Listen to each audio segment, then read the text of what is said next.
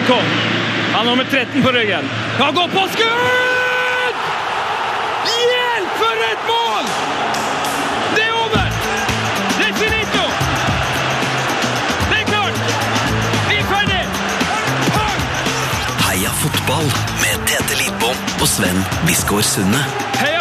Heia fotball! Heia fotball. Dette gutten! Heia fotball, svennefar. Og god fredag til deg. God fredag til deg òg. I dag har vi en så fet gjest. Ja, da, han. Det her har jeg gleda meg til. Har du hatt en fin fotballuke for øvrig? Helt rå. Vi starta fotballuka på en måte egentlig siste lørdag, da vi var gjester på Wildcard FC på Oslo Podfest. Yes! På Parkteatret det finner du hvis du abonnerer på Wildcard FC i iTunes, kan du høre hele showet. Ja, der, der eh, prøver vi å være litt sånn Nostradamus av begge to. Eh, eller egentlig alle fire. Mm, alle fem. blir det.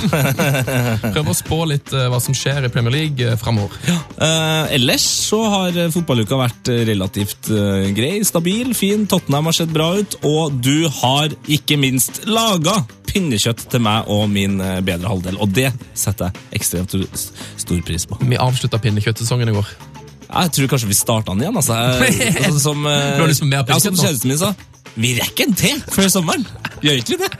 Vi må lage, vi må lage pinnekjøtt, vi òg. Du vet Jørn Kårstad som sitter rett utenfor her? Ja, og sitter og ser på en uh, Quiz of Stoners-konsert. Som har det fenomenale radioprogrammet Jørn på P3. Riktig. Eh, han har en veldig spesiell tradisjon.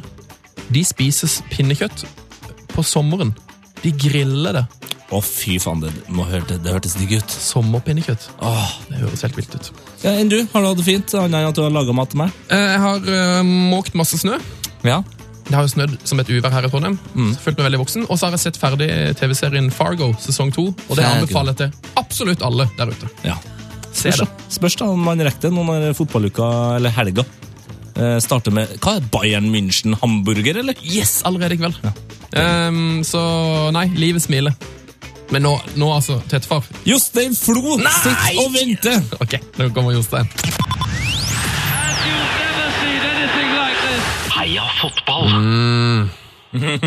Ukas gjest, Tetvar. Oh, det her er meg til. Det er ingen hvem som helst. Han har altså ansvar for en av Norges største fotballklubber. Han har spilt kamp iført finskjorte, skåret et av norsk fotballhistories aller vakreste mål. Har du, har du sett den brassen? Ja, ja. Um, han har spilt i flere cupfinaler. Senka Liverpool på egen hånd, ligger øverst på toppskårerlista i Premier League. Og så har han altså et av norsk uh, fotballs mest kjente begrep, oppkalt etter seg sjøl. Jostein Flo, velkommen til oss. Tusen takk. Hyggelig å være med dere. Du har spilt kamp iført finskjorte. Yes. Men dette regner med du har eh, Du har vel sikkert snakka om det før, men du må bare forklare, forklare det for oss nok en gang. Det var eh, siste kampen jeg mener vi spilte mot eh, Oslo øst i eh, Obos-ligaen, nest øverst en av siste kampene, og det ville jeg sette pris på. Så jeg spilte med ei skjorte, hvit skjorte under drakta. Og jeg ble behandla fint den kampen. Ja, du ble det, ja. Det ble det, ja. Ja. ja. Det som var litt artig med den siste kampen jeg spilte, jeg lå ett mål bak. Jeg hadde for vane å bli toppskårer i Strømsgodset. Jeg tror jeg var det 20 år på rad. Og så, før siste kampen, så hadde en eh, Pål Kristian Alsaker han hadde 14 mål, og jeg hadde 13. Jeg var bak han, Det provoserte meg veldig. Og så skulle han ta straffen, da, for han kunne bli toppskårer i, i førstedivisjon. ja. Og det var ikke, likte ikke jeg så veldig godt, så i den kampen ble det straffe eh, i første omgang. Og den bare tok jeg, og da hadde jeg den Kjetil Rekdal-varianten. Flytt deg! Nei, stjal Du han. tok den ja. Ja, og så, Da var vi 14-14, og så ba jeg treneren bytte han ut i pausen. Så han ble bytta ut, og så ble det ett straffespark i andre omgang. og det stjal jeg, så da ble jeg toppskårer. Og han var ikke på den tilstelninga på festen etterpå. Nei, Oi, oi, oi. Så du gikk ut eh, med litt sånn uh, spisse albuer, rett og slett? Ja, var jeg smilende og fin på TV-en og alt rundt fotballen, men var en egoist på banen. Det var en grusom, grusom ærlig historie for deg her med rett ut av startblokka. Ja, det var det. Og så løp jeg gjennom eh, Drammen sentrum med, med flagg, stor flagg og litt supportere etter, og så inn på en eh, pub og tok en eh, godt forberedt halvliter. Brukte ca. 17 sekunder på den. Åh, bare, bare hylla nedpå. Ja, deilig. Åh. Hva? Med fotballsko og alt mulig. Pigger som vi hadde på den tida der. Brutalt. Det høres ut som en stor hest som kom inn på en pub. Um, Flopasningens far introduserte det vel nesten som her. Uh, det er, vel, det er vel kanskje ikke helt rett. En, en lytter som sier, um, en som heter Johannes Wærnes, som sier flopasningens far må da være Drillo. Til nød Bjørneby. Hvem, hvem, um, hvor stiller du deg i forhold til flopasninga? Hva slags fa eierskap tar du til den? Egentlig så eh, kom det fra Den pasningsvarianten den kom fra Stryn. Da har jeg en eldre bror som har en skuddfot i verdensklasse. Og han slo de 70-meterspasningene eh, til meg som spilte kant. Det var lettere å skjære inn fra kant bak eh, forsvarerne. Så vi begynte med den uten å kalle det noe som helst. Og så eh, spilte vi brutal fotball i Molde med Ågar Eide. 3-5-2-system med to spisser. Og hadde ikke hvorfor Kjetil Rekdal spilte midtbane i den perioden, så hadde vi aldri brukt midtbane. Men han kjefta og dirigerte og skulle ha ballen av og til. Ta straffen og litt sånn. Så kom Drillo, eh, og så kom han med der, og han systematiserte det veldig inn i et strukturert system. Ja.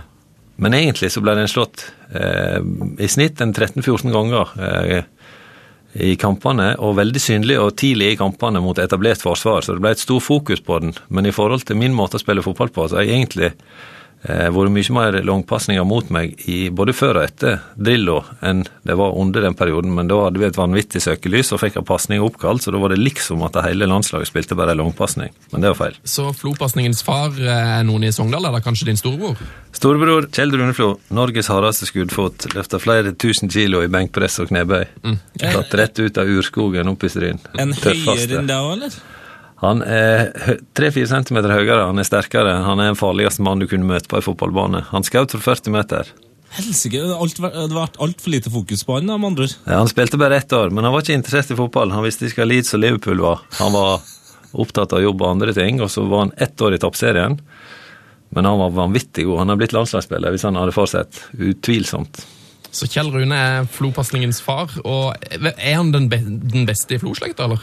Han kunne blitt det. Ja, Hvem, hvem syns du er den beste? For å si det sånn, jeg var den mest frykta, og Tore André er den mest beundra. Mm. Oh.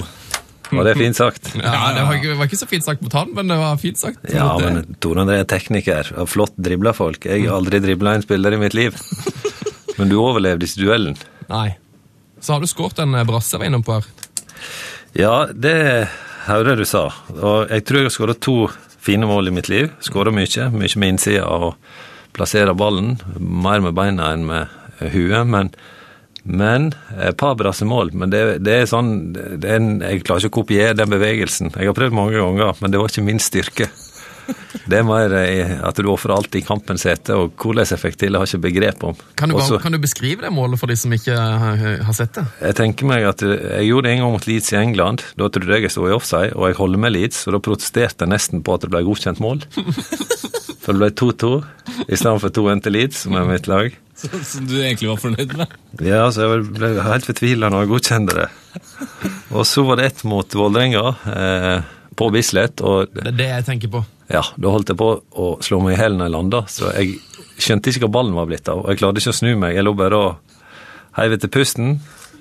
Så jeg på jubelen at det Og så så jeg på TV-en etterpå at det var et fint mål, da. Så, så det var egentlig bare rent instinkt, eller altså Ja, det var ikke, ikke planlagt, det var ikke noe jeg trena på, for å si det sånn. Jeg tror ikke jeg hadde klart å kopiere det én av hundre ganger på trening. Nei, så en, en mann fra Stryn på over 100 kilo tar ikke brasse med glede. Det er mer med frykt. Ja, det koster masse. Holdt på å miste pusten. Du sa, du sa når du var ferdig i Sheffield United at da vurderte du vel egentlig å legge opp, for det var så tøft å spille der. Men så ble det ja, seks-sju år til godset. Ja, eh, jeg kom ikke gjennom legesjekken i Sheffield United. Jeg hadde problemer med tåleddet på begge beina, eh, begge anklene.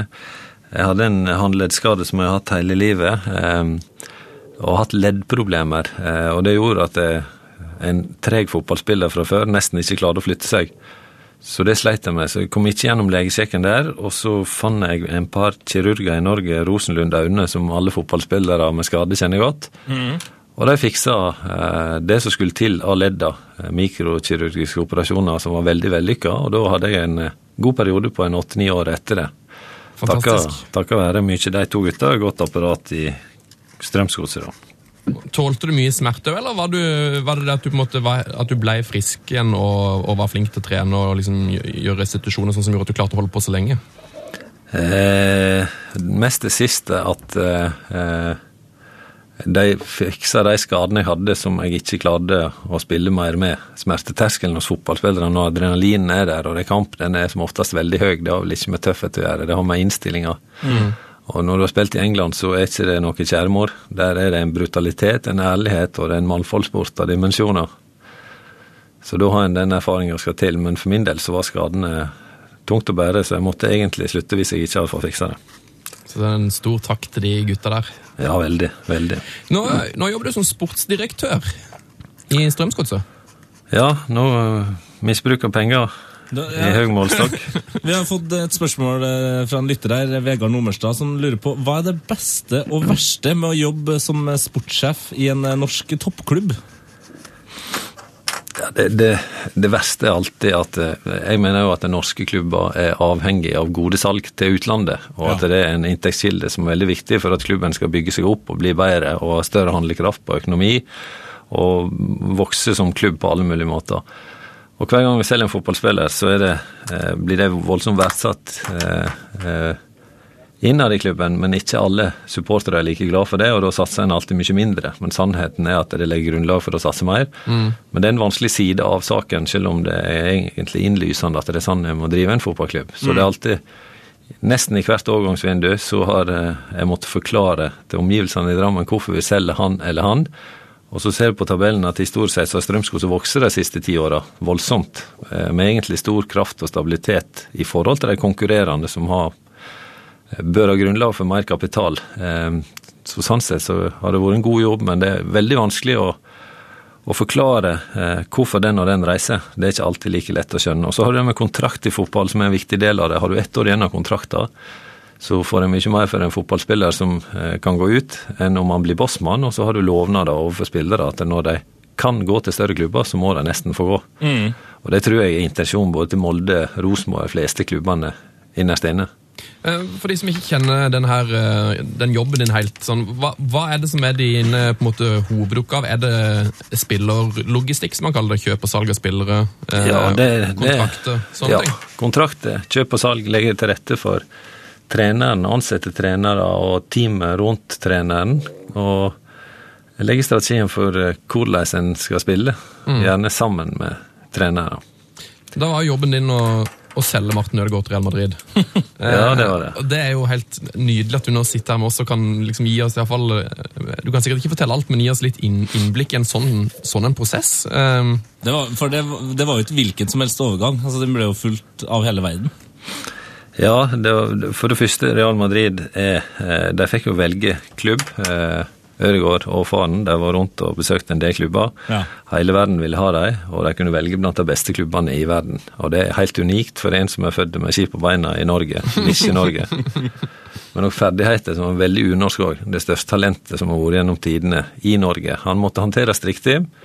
Vi bestemte oss for at han skulle få lov å gå etter den klubben han sjøl ville. Han fikk eh, ganske god tid på det. Det nærma seg slutten på overgangsvinduet, og han måtte ta et valg. Eh, Real Madrid ble valget. Det er min store favorittklubb, for å si det sånn. I måten de driver på søkelys. Ser nesten alle kampene til dem. Så det var en stor opplevelse å møte Real Madrid i diskusjon rundt vår spiller. Og så, Det var en artig episode. For det første så Real Madrid booka et hotell i Danmark, så ikke oppmerksomheten skulle bli stort rundt den diskusjonen, forhandlingene, og det Ja. var det dyreste hotellet i København. Så når jeg kom med klubbkortet mitt til resepsjonen, så så jeg Jeg kjenner godt til Real Madrid og ledelsen, forhandlerne der, Ja. eh, og han sjefen var der sjøl, administrerende direktør i klubben. Han sto i resepsjonen, så skulle jeg betale med klubbkortet, eh, hotellet mitt, og det var, det var ikke nok penger på det klubbkortet. så kom han bort til meg, og så spurte han 'Hello, are you Flo?' 'Yes'. Og så sa han 'You can use my card'. Og det var liksom eh, det første eh, møtet med Real Madrid. Så lo han, og så her skal du diskutere millioner, og så har ikke du 10 000 på den kontoen som dekker Det var litt pinlig, så da fikk de høre den økonomiavdelinga i godset. Da var jeg forbanna. Det var høyna det Mastercard-kortet der.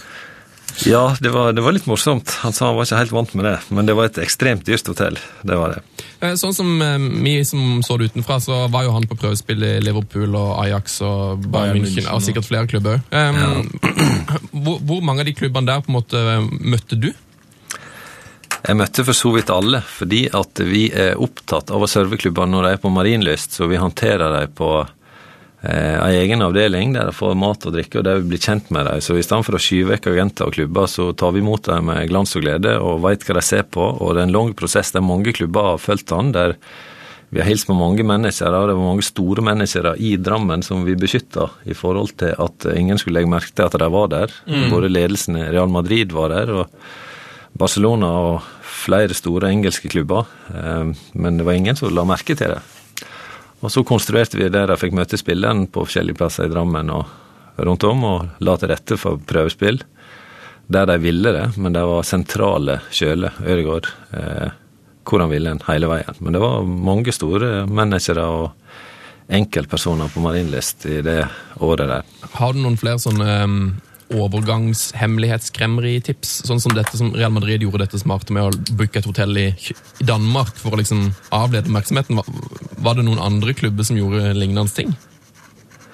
Ja, det, alle forhandlinger Eller det, det foregår sjelden eh, på Gullskogen og kontor, eller på eh, synlige plasser. Og Danmark er som oftest en møteplass, det har vært flere ganger i Danmark når vi har store overganger. Det er en by som er lett å gjemme seg vekk i. Så det VG bør gjøre, var egentlig å ha en mann på Kastrup som bare sitter og følger med? Hvil, Ja. Hvilke toppsjefer som lander hvor?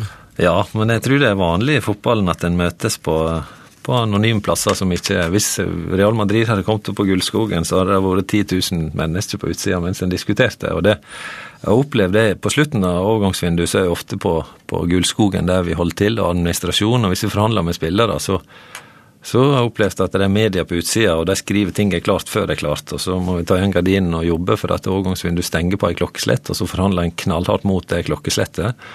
Og så trenger en tid på slutten for å legge alt inn i system. Og da, som oftest når du har overganger i sluttfasen For to år siden så var, det vi, var vi involvert i fem overganger når det var fire timer igjen til overgangsvinduet stenger. Og så er det ti mann som jobber på det, og så organiserer alt det der med, med den eh, det søkelyset som er utafor. En kan slutte å bruke telefonen, for det kommer bare inn SMS-er om eh, hva skjer og hva skjer ikke, og fotballvenner i og rundt klubben. Så sånne episoder er intenst. Det er litt av kick, og det er moro med fotballen. Og så leser en på media, NRK overalt, hva som er i ferd med å skje. og selv om det ikke alltid skjer noe, så er en alltid involvert i overgangssaker eh, de siste timene og minuttene før eh, før deadline, og det er blitt mer og mer det tidspunktet som utløser overganger, for da må en bli enig. Og det er mange, mange dealer. Du har hele Obos-ligaen som skal ha alt gratis på slutten. som ikke har kapital. Og så har du tippeliga og litt større klubber. Og så har du forbundet som er tett på alle klubbene, gjør en god jobb i forhold til overganger. Og så er det noen klubber som jobber mot engelske mennesker òg, og de kjører jo fram med vanvittig tempo. Det er moro. De siste timene er en fantastisk opplevelse. Men, men så du, du virka jo som en veldig ambisiøs spiller, og for meg høres det ut som nå, en ambisiøs sportssjef. Er det sånn at du ikke ser for deg at uh, Strømsgodset og Drammen er det siste? Er det liksom, er det noe du har lyst til å være i en større klubb? Nei, Strømsgodset er blitt eh, en, en livsstil eh, for meg. Ungene trives her, så jeg er nok her så lenge jeg kan være det. Og det har vært veldig lenge til nå. Og så har jeg møtt mange klubber og opplevd veldig masse, og føler jeg har vokst litt på det hele veien. Men jeg har ingen ambisjoner om å komme ut til andre klubber, men jeg er ofte ute i andre klubber og prøver å lære av andre klubber og få innlevelse i hvordan de driver klubben. Mm. City for eksempel, der har vi et tett samarbeid, og der får vi prate med alle mann om hvordan de tenker. Jeg får prate med sportsdirektører og direktører om overganger som de opplever. Vi har forhandla med dem over et par anledninger. Det det er utrolig lærerikt å holde på med sånne store klubber. Så er det ofte sånn at til større klubber, til større profesjonalitet, det til både artigere og riktigere er ting. da.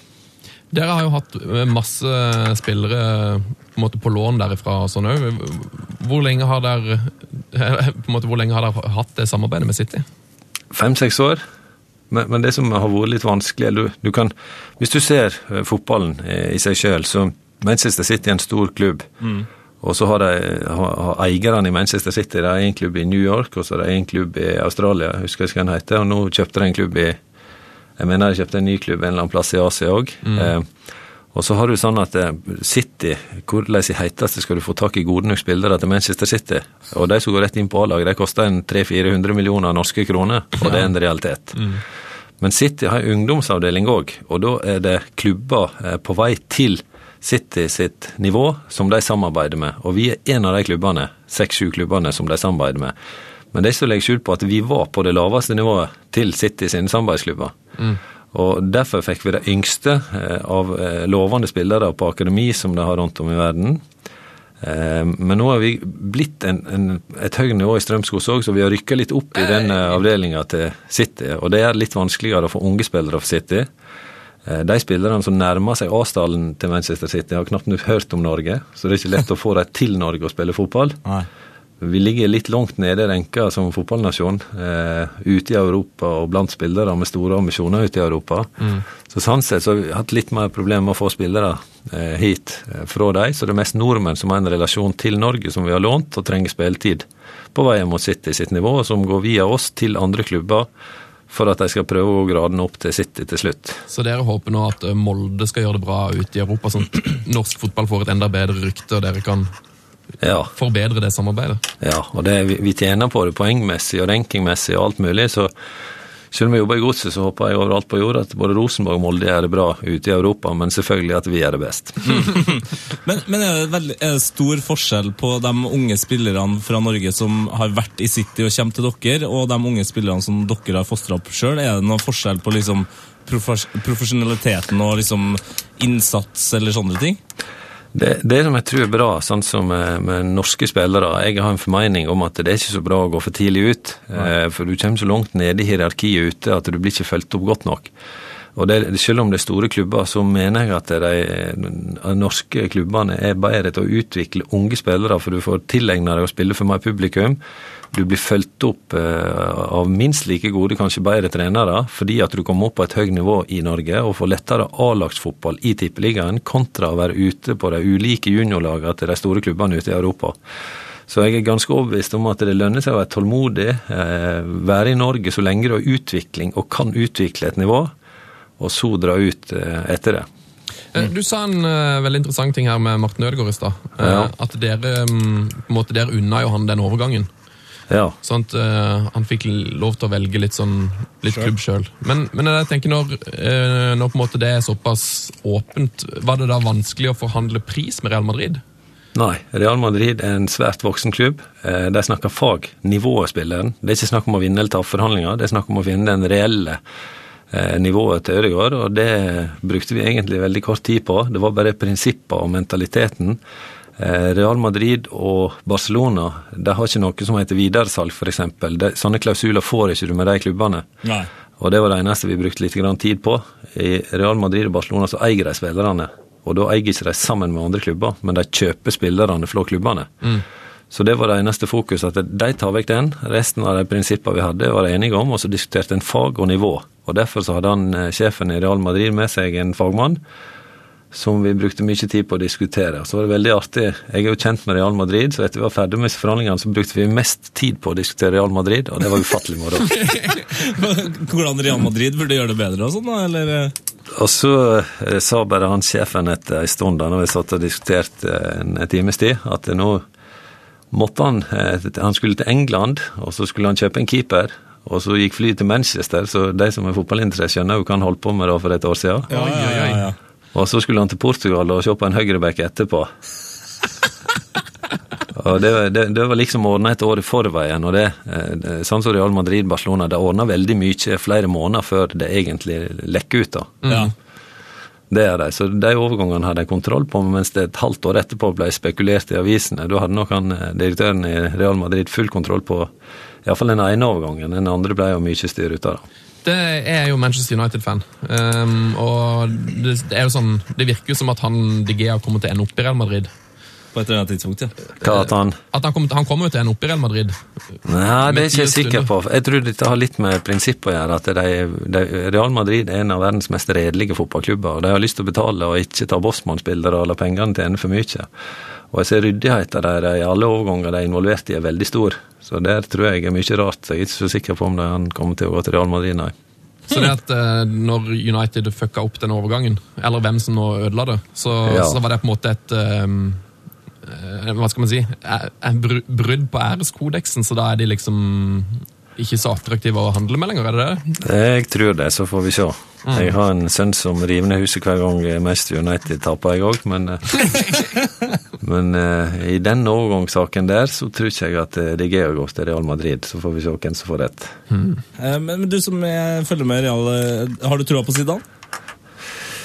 Ja, jeg må si at eh, eh, her er mange i fotballen nå. så det, det, Du har mye teoretikere og kunnskapsrike folk, men det å ha den praksisen som Zidane har, den autoriteten han har eh, Han var en vanvittig god fotballspiller. Han skal behandle veldig store stjerner i Real Madrid. Han virker strukturert og taktisk klok òg. Han har skapt en ny dreiv i Real Madrid, og det virker som han skjønner hva det går ut på. Og X-spillere i så sentrale posisjoner som kjenner klubben og veit hva skal til, det tror jeg er en stor fordel, selv om du selvfølgelig må ha kunnskapen og alt i orden. Ja, altså Jeg så jo et eh, herlig videoklipp der eh, han eh, fant ut hvordan han skulle, få Ronaldo ned på jorda. Der de hadde frisparkkonkurranse. Ja, Zidane, va- Zidane vant den Ja. soleklart. ja det er litt sånn Jeg husker Maradona med sigar og tok et frispark en gang når de andre bomma litt masse. Så ble det stilt. Tror du det er en fordel for, uh, i din jobb at du har eh, den eh, sånn naturlige autoritet som, en, som at du har spilt fotball? Da? Ja, det tror jeg. Eh, Det, det er alltid fordel å kunne diskutere fotball eh, faglig. og det, Når vi diskuterer nivået på spillere med klubbene òg, så er det faglig grunnlag som legger til rette for hva slags sum det er. Det er ikke snakk om å vinne eller tape eller være en flink forhandler, som mange tror. Nei. Det er viktig, det òg. Du må skjønne kapital som det ender opp med, men det viktigste er å skjønne nivået og hva som er riktig. Og det er ikke snakk om å vinne eller tape en forhandling, det er snakk om hva er riktig. Og hva slags nivå er det vi leter etter. Og da må en kunne fotball for å argumentere for eller imot det. Det er ikke hjelp å være forretningsmann. Du har ikke kjangs. For det er ikke det vi diskuterer. Vi diskuterer nivået på spilleren. Og sånn sett så er det viktig i min jobb, ja. Men jeg må innrømme at eh, vi leita etter spiss eh, fra 2006 til 2010, og jeg var med på avslutningstreninga og har vært litt avslutt eh, trener for spissene. Ja. Så gjorde jeg en avtale med en del prøvespillere at hvis de slo meg på avslutninga, så skulle jeg få kontrakt. og det gikk fint i mange år, men så tapte jeg mot en veldig dårlig spiller. Så da måtte jeg rett og slett eh, jeg, kunne, jeg kunne ikke holde ord. Og etter det så jeg slutta med den konkurransen. Men det gikk fint lenge. Men eh, apropos nivået på spillere. Eh, vi har et lyttespørsmål til her fra Erik Heimdal. Eh, og Han spør hva er det som gjør at Flo-slekta eh, har fosta fram så mange fotballspillere. Eh, altså, Har dere i det hele tatt noe svar på det? Ja, det, det er et vanskelig spørsmål. For det første så eh, mange florer, eller slekta vår, den er, det er vanskelig å forklare den slektsgreina, men det er mange som er født og oppvokst på Flo, der det er ingen fotballbane. Og der er ikke et jorde som er flatt. Det er skrått, og det er bare fruktbygd. Fin natur, eh, det er der, men ingen fotballbane. Og så har du eh, i Stryn, eh, som jeg er født, og mine søsken, vi har jo fotballbane, og vi har spilt fotball fra vi var små der. men men eh, jeg tror ikke det har så mye med eh, Det har mer med konkurranseinstinkt. og mange, Håvard var en av Norges beste alpinister. Eh, par av oss var blant de beste i eh, høgde. Eh, Det har med Mange var gode i idrett. En spilte volleyball i toppserien. Litt tilfeldig at det ble fotball, men det var fotball alle slo seg inn på etter hvert. Og den viljen og mentaliteten i den slekta imponerte oss sjøl. Det må jeg innrømme. Ja, fy fader, altså. Så er det noe du, når du har vært med å bygge opp en klubb som Strømsgodset, har, har du tatt med deg noe lærdom fra familien? Ja, det, det, det må jeg si. Og det, det, jeg sjøl hadde ikke talent i hele tatt. Jeg var produkt av eh, trening og vilje og mentalitet og hata å tape. Grein når jeg tapte og skulle vinne. Eh, Frode Grodås var den verste idrettsutøveren jeg møtte på. Han ga meg juling, han spiste meg til middag. Vi er like gamle, vi konkurrerte, han skilte seg ut. Men den mentaliteten og den viljen eh, syns jeg er godt å ha med seg i idretten, for fotballspillere har et problem. Og det er liksom Skiller du deg ut og er en talentfull spiller, så blir du superstjerne på skolene. Du blir det overalt, for det er så stort føkelys på, på fotballspillere. Unge som er tilknyttet Strømsgods, f.eks. Og kan bare gå rundt i skolegården og se måten de går ut av skolen på, med stor selvtillit og mange damer hengende etter seg. Så de blir tidlig popstjerne. og så har du foreldre som aldri klarer å vurdere ungene sine riktig. De mener de er 20 bedre enn de er. Og den fella går jeg, du, alle i som foreldre. Og det gjør at du får en Du skal legge opp en karriereplan til Barcelona mens du ikke er i nærheten av å kunne bli god nok til det. Og det, den balansen og jordnærheten for å bli god og jobbe hardt, det er noe vi alltid må markedsføre. Og gi gode tilbakemeldinger, tydelige tilbakemeldinger til spillere, hvilket nivå de er på. Og det er en utfordring, for foreldre overvurderer og skal være foreldre, og det er greit. Og så eh, har spillerne i Norge som skiller seg ut og er gode, blir landslagsspillere i ung alder. De blir dyrka i veldig stor grad, så de er litt høye på strå mentalt. Og så dette av for tidlig, fordi at den indre motivasjonen eh, ikke er sterk nok, og holdningene og viljen til å ville bli god. Og det, Hvis du sammenligner generasjoner, så det var den store styrken til Drillos 90-tallsgenerasjon. Det var jo utrolige holdninger. Og da, selde, da kjøpte engelske klubber norske fotballspillere blindt og nesten usett, fordi at de hadde så gode holdninger. Det er litt det samme som det som skjer på Island nå. Ja. Alle skal til Island, det bor nesten ikke folk, men alle er fotballproffe der. Og det har med den holdninga og mentaliteten som er på Island. og det må ikke undervurdere. Det er viktig i fotballen. Og den største utfordringa med å få fram fotballspillere er at en tror for høyt om seg sjøl. Foreldre dyrker for masse, og en blir dyrka for tidlig. For det er en lang vei å gå og bli en god fotballspiller. Ser du noe av den samme mentaliteten i, i Ivar Fossum og Gustav Vikheim og um, Martin Ødegaard? Nei. Eh, eh, no, no, Vikheim, De eksemplene av Vikheim han, han har jo en mor fra Brasil og en tekniker og litt annen type spiller enn de to andre. Mm. Martin Ødegaard og Iver Fossum er produkt av ekstremt gode forbilder, gode holdninger. Så ekstremt at det går nesten ikke an. Er, du burde lage film om dem, for det er helt eventyrlig å, å oppleve to gutter med sånne holdninger. Og det at de skal ut i profflivet, at vi tar hensyn til det som klubb, er et selvfølge. Ja. Eh, så Vikheim er en helt annen spiller. Han er høyt og lavt, og prestasjonene svinger mye. Han er en kreativ fotballspiller som ikke nødvendigvis jobber like hardt, verken fysisk eller han er, en, han er en kunstner på fotballbanen på en helt annen måte. da. Mens Fossum og Ødegaard er nesten, altså, nesten irriterende profesjonelle. I hvert fall, sånn. ja, det, det er fantastisk. Ja, jeg har følt det. Jeg sitter på kontoret. Eh, kommer de tidlig om morgenene med nistepakken, og så lenge før de andre eh, tenker på å gå på fotballbanen og spille fotball, og så sitter de der. Trener hver helg. Eh, enormt med timer i løpet av ei uke. Og det er livet deres. Og spesielt Ødegaard. Han har en treningsmoral som Det er helt ekstremt, og det er en opplevelse å se han. Jeg husker første gangen han ble tatt ut. Han har i kontrakta si noe som jeg var veldig imot. Mm. Men så vi måtte godta at jeg får lov å trene når jeg sjøl vil, ja. og det er mye. Og det hadde han i kontrakten? Ja, det hadde han i kontrakten. Det var det viktigste for han. Resten det fikk de andre ta seg av, men det ville han. For han, han trener mye, og han trener veldig riktig. Ja. Og han kan mye i forhold til alderen sin. Eh, det har med at eh, eh, onkelen er fysioterapeut og trent han. Faren er en veldig kunnskapsrik både fotballtrener og tidligere fotballspiller, så han har mye kunnskap rundt han og var et unikt talent som alle så, og fikk tilrettelagt mye. Men den første gangen han ble tatt ut på A-laget til Strømsgodset, så eh, var det bemerkelsesverdig. Det var mye søkelys på det. Han var veldig ung. Så reiste han etter treninga så reiste han opp på Gullskogen der vi har kontor, og der har vi et styrkerom og en treningslab i andre etasjen. og Der gikk han opp, og så låste han døra og skrudde av lyset, så ingen skulle se han trene. Sånn feira han at han ble tatt ut i den første kampen. Veldig rørende å se på, men det var, det var, en del av han. Han trente så mye at han skrudde av lyset, og da fikk han være i fred. Han elska å trene. Hadde litt musikk på. Og det var beundringsverdig å se sånne store talent og måten de trener på. Nå fikk, nå fikk jeg frysninger. Eh, vi må snakke om en annen fantastisk fotballspiller òg. Eh, Jostein Flo. Han, vi har en historie her. Håvard Lillehei var gjest her for en tid tilbake. Ja. Og Der fortalte han en historie som er nesten, sånn, er nesten for utrolig til å være sann, fra de tid i Sheffield. hvor du da har På vei hjem fra en bortekamp så kjefta du på noen av medspillerne dine for at de drakk på bussen. For Det var vel to, to dager til neste kamp. Vi kan bare høre historien, så må du nesten bare konfirmere at det er sant etterpå. Og da gikk Jostein fram til Bassett, altså manageren, mm. Og sa til han samme The Boys are drinking in the back and uh, shouldn't be. Oh, ah, shut the fuck up, bro. Let the boys enjoy themselves. They just beat fucking Liverpool! og så går han bak, og da har gutta sett at han har gått og sladra til manageren. Ai. Så de blir så forbanna, og de bare Hey, Flo! Fucking cunt! og så går de, og så tar de og så holder de den fast. Og så Where's his bag? Så tar de bagen hans. Stopp the bus! Og så stopper de bussen. Og så pælmer de ut bagen og Flo midt på MI6 fordi han har mast. Og ta med i mente dette skjer få timer etter at han egenhendig har gitt dem seieren mot Liverpool på Anfield. Ja, det er helt riktig. Det er sant.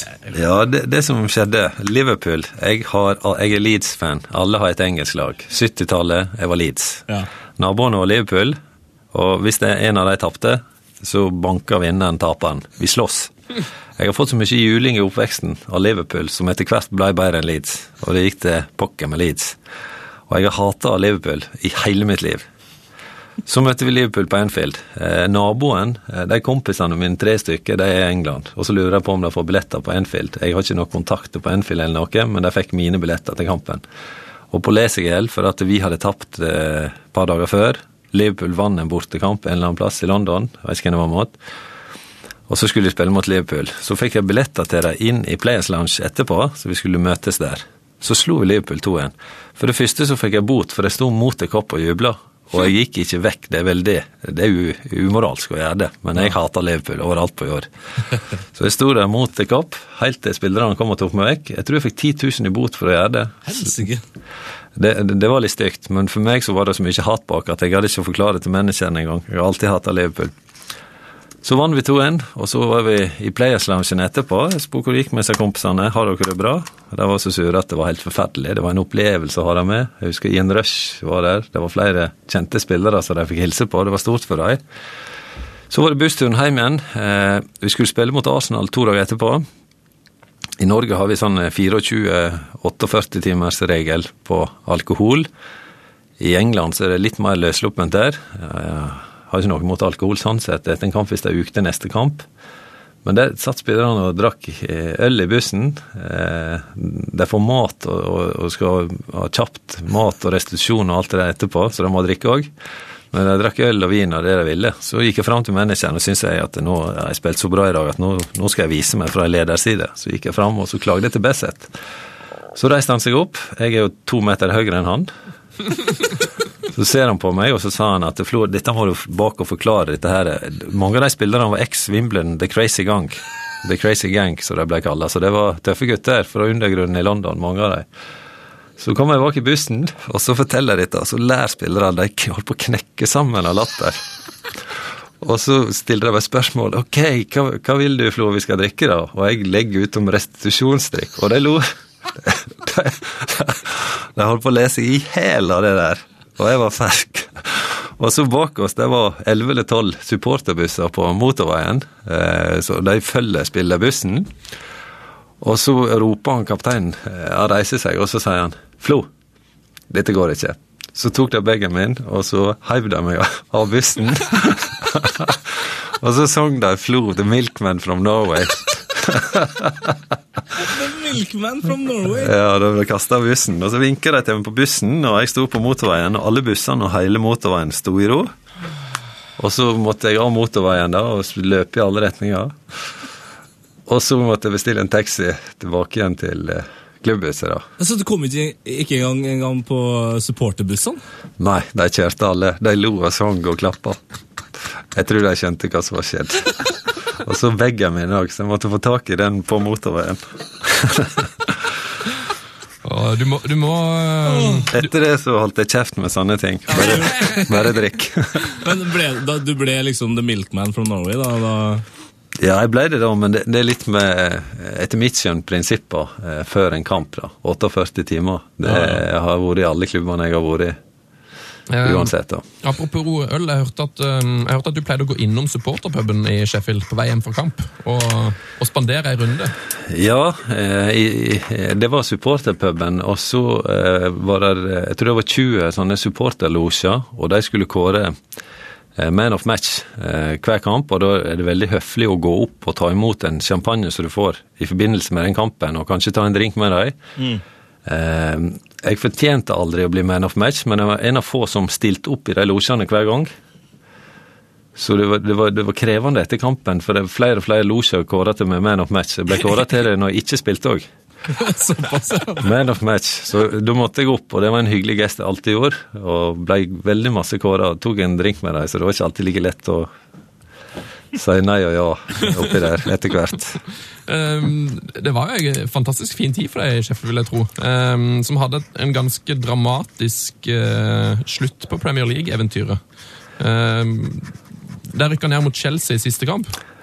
Ja, det var veldig, veldig dramatisk de siste ti minutter eh, av den kampen. Eh, eh, det var jo Wimbledon som vanlig da, som var involvert i et eller annet mot ikke Newcastle eller hvem det var, der keeperen til Wimbledon slepte inn et mål på overtid som gjorde at vi måtte slå Chelsea. Det var ikke noe vi uavgjort. gjort. Og vi leda jo Jeg mener vi leda 3-2 mot Chelsea, og så skulle Chelsea spille FA-cupfinalen en to uker etterpå, så de setter innpå en par-tre spillere som de hadde spart, annet Glenn Hoddle, som var manager, og så klarer de å snu den kampen. Eh, Helt på slutten eh, av overtida, mens vi bombarderte Chelsea sammenhengende i ett eller to minutter. eh, Uten å klare å skåre. Så rykka vi ned, og de, så satt alle supporterne igjen. 10 000-12 000 supportere satt igjen på stadionet og holdt rundt hverandre. Mens vi spillerne gikk inn i garderoben. Kom inn der, det er det sterkeste jeg har opplevd. Det var ingen glass som var igjen verken på vegger, i dører eller noen ting. Alt var knust. Spillerne lå rett ut. Eh, det var sterke scener. Jeg hadde aldri trodd at det skulle gjøre så sterke inntrykk, eh, et nedrykk. For det, dette er fotballspillere med karakter, med holdninger og med vilje, som ikke hadde lykkes, og som rykka ned på overtid. Og det var en brutalitet jeg aldri kommer til å glemme. Eh, Det var sterkt. Og det var når du har den viljen til å klare det, som, som eh, mange av de spillerne som det laget hadde, så, så var det en veldig, veldig sterk opplevelse. En er ikke i nærheten av å ha sånn viljementalitet i Norge som det eh, engelskmennene har. Det er jo derfor de taper alle kriger òg, for de går i bare overkropp rett på alt og blir spydda.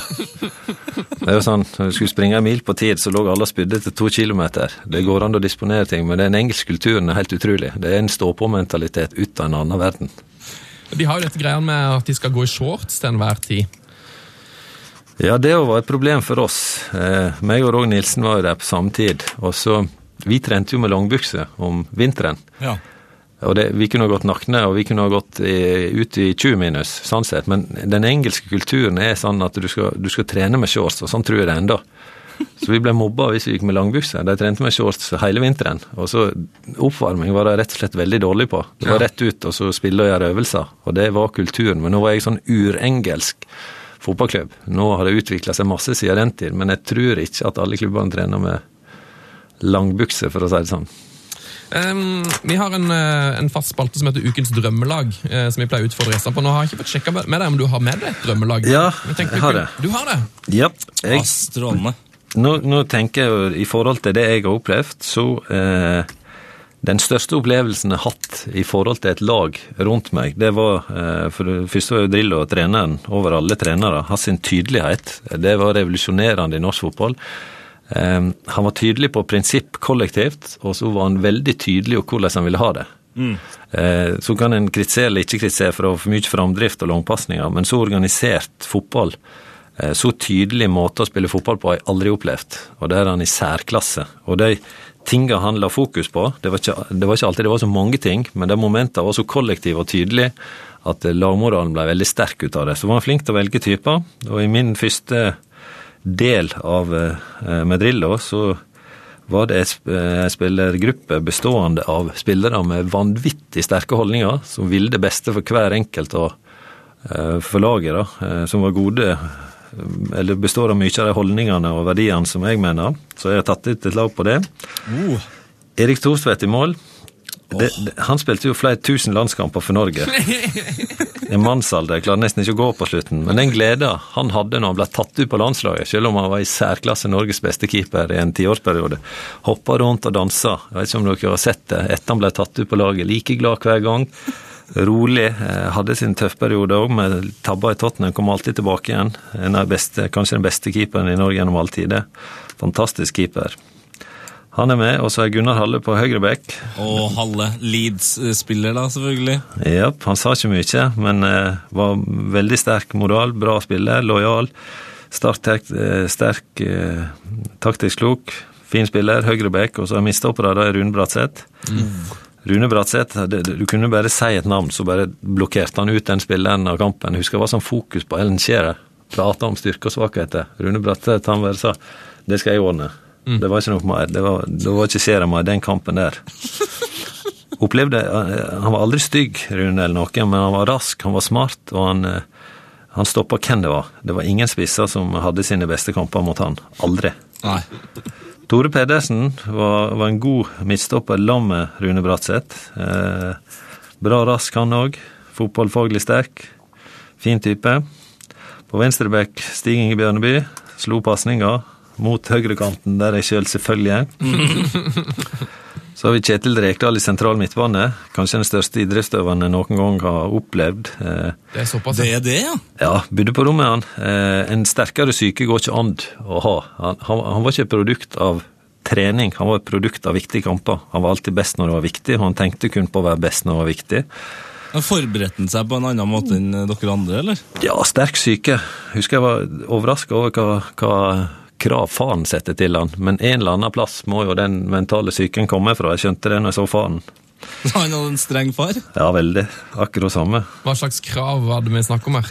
Nei, det var prestere, skåre mål og Jeg husker med Kjetil, når vi spilte mot England, så kom jeg inn på tolv minutter før slutt, og så skåra han eh, mot England. Og så tok jeg meg en øl på rommet. Så sa han skal du feire det her? Tolv minutter spilte du mot England, du er jo ikke en dritt. Hva er det du driver med? Gå ut blant disse supporterne og ta på deg en vikinghjelm. Dette går ikke. Jeg går og spiller kort. Jeg går og spiller kort! Så spilte han kort. Men han får en idrettsutøver. Best når det gjelder. Kjetil Rekdal har norsk fotball mye å takke for. Og dette var etter 1-1 på Wembley. Ja. Den når Rekdal skåret et helt fantastisk mål. Ja. Ja, og det det som irriterte han, han var aldri fornøyd. Og det var liksom, det var litt kjedelig, for jeg har lyst til å ha gleden med idretten og store opplevelser, så vi har mange av det, men han var aldri fornøyd. Nei. Det skulle mer til, og det skulle mer og mer og mer. For en idrettsutøver. Helt utrolig. Aldri fornøyd. Fy fader. Hvem er det som har æren av å spille med, med Rekdal på midten her, da? Mykland? Myggen! Ja. En, en helt motsatt type, eller? Ja, Mykland var en, eh, en veldig lojal eh, artist. Han sto jo for en litt annen fotball enn det vi spilte, men han hadde de tekniske ingrediensene og fikk spilt ut styrken sin i et eh, ganske stramt system. Så en fantastisk fotballspiller, lojal type, hyggelig kar. Likte godt å gå på kafé og Ja, han var fantastisk. God fotballspiller. Og så er Leo på indreløper. Og han ville, Leo ville aldri spille mot min side, for det var en geriljafotball. Han ville spille på andre, indreløper på andre sida. Sant? Ja, men det var synd. Det var derfor jeg hadde over Sørloth, som jeg har som spiss til motsatt side, for der kom Leo. Løpende. Alltid på løp. Alltid. Så på venstre kant så har Mini. Oh. Mini var god på, på det beste. Men han var flink å skryte òg, på slutten. På slutten, ja. Ja, Han var, han var god på høyden. ja, han var veldig god. Veldig god. Og den, den ulike styrken eh, meg, han, det var jo omtrent som eh, Ja. Det, det, det skal veldig ulike vingbekker til når vi bytter side. Pellester høyreback på England. Mini mot Pellester, det gikk ikke. Så det ble veldig rart. eh. Altså, det, jo, altså det må jo være verdenshistoriens mest dynamiske midtbane. Ja, men hele det laget er fantastisk. Sørloth og spiss. og Sørloth var ikke nødvendigvis den som alltid skåra mest, selv om han skåra mest i viktige kamper eh, i forhold til sine. så Han kunne skåra mye mer mål både på Rosenborg og landslaget, men han var så god feilvendt, og det var måten vår å spille på. Ja.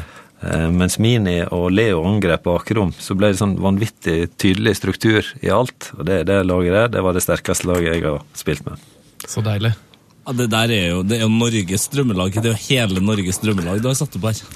Fantastisk. Og så Drillo. Jeg glemmer aldri Drillo når vi møter England eh, eh, på spillermøte. Så, så liksom Dette her er ikke noe problem. Ja, han kunne innrømme at vi skal slå et lag som i utgangspunktet er bedre enn oss. Og så kledde han England helt naken taktisk, og hvordan vi skulle slå dem. Og det meste stemte som oftest, for han var godt forberedt, Drillo, og stor tillit til det. Eh, til spillerne, og spillerne til han.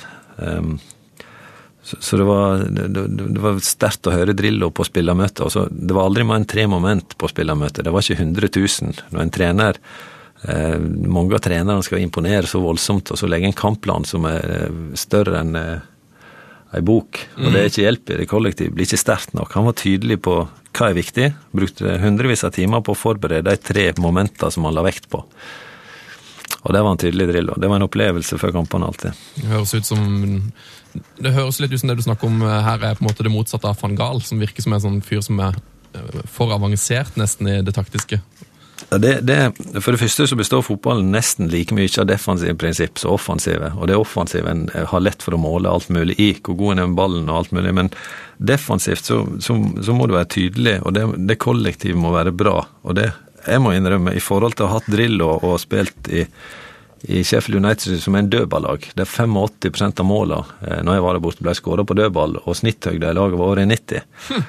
Og da, da opplever jeg defensiv struktur og hva skal til. Og den tydeligheten rundt det defensive, der syns jeg vi er for dårlige i Norge og i altfor mange klubber. Defensiv eh, kollektiv, å være god defensivt, det er viktig. Undervurdert.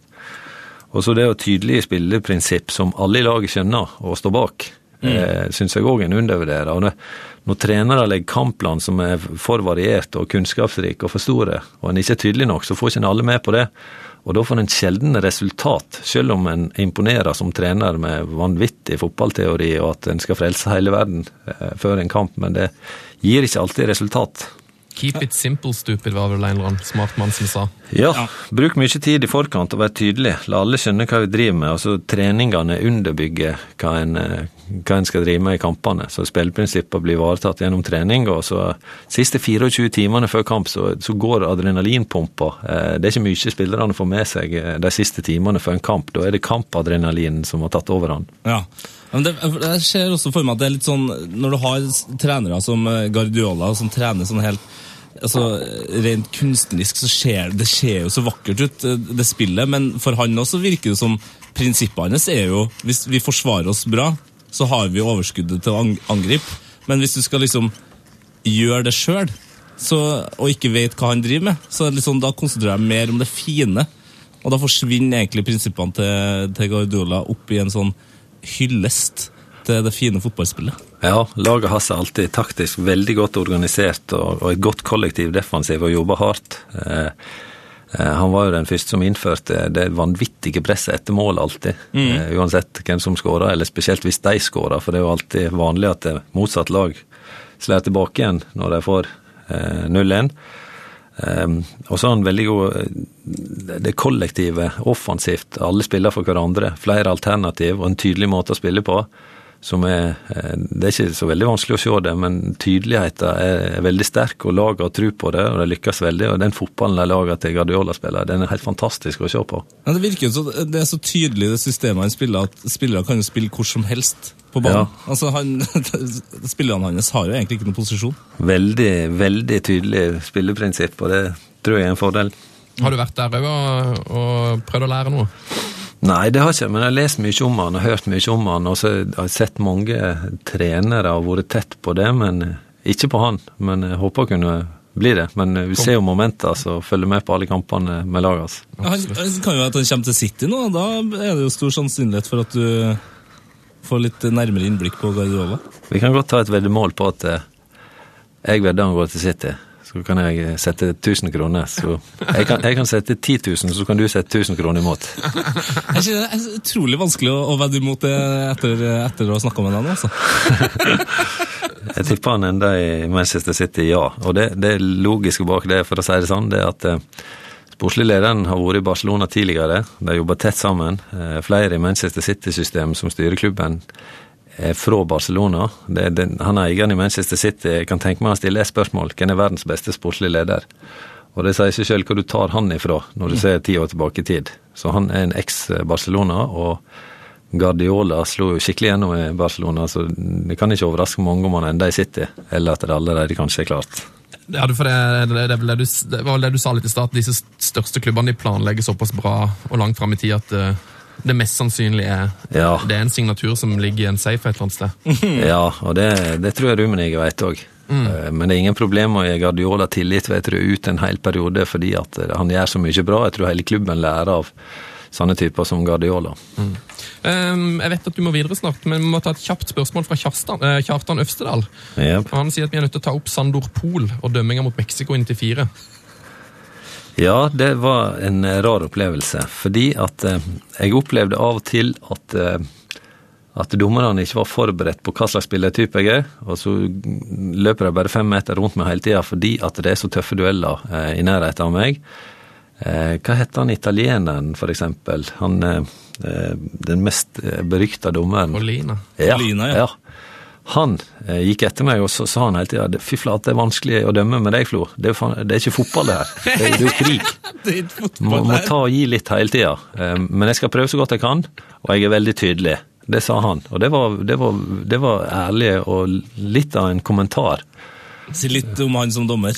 Ja, og, og han skal være tett på situasjonene, ikke tenk på meg. Jeg skal prøve å være rettferdig.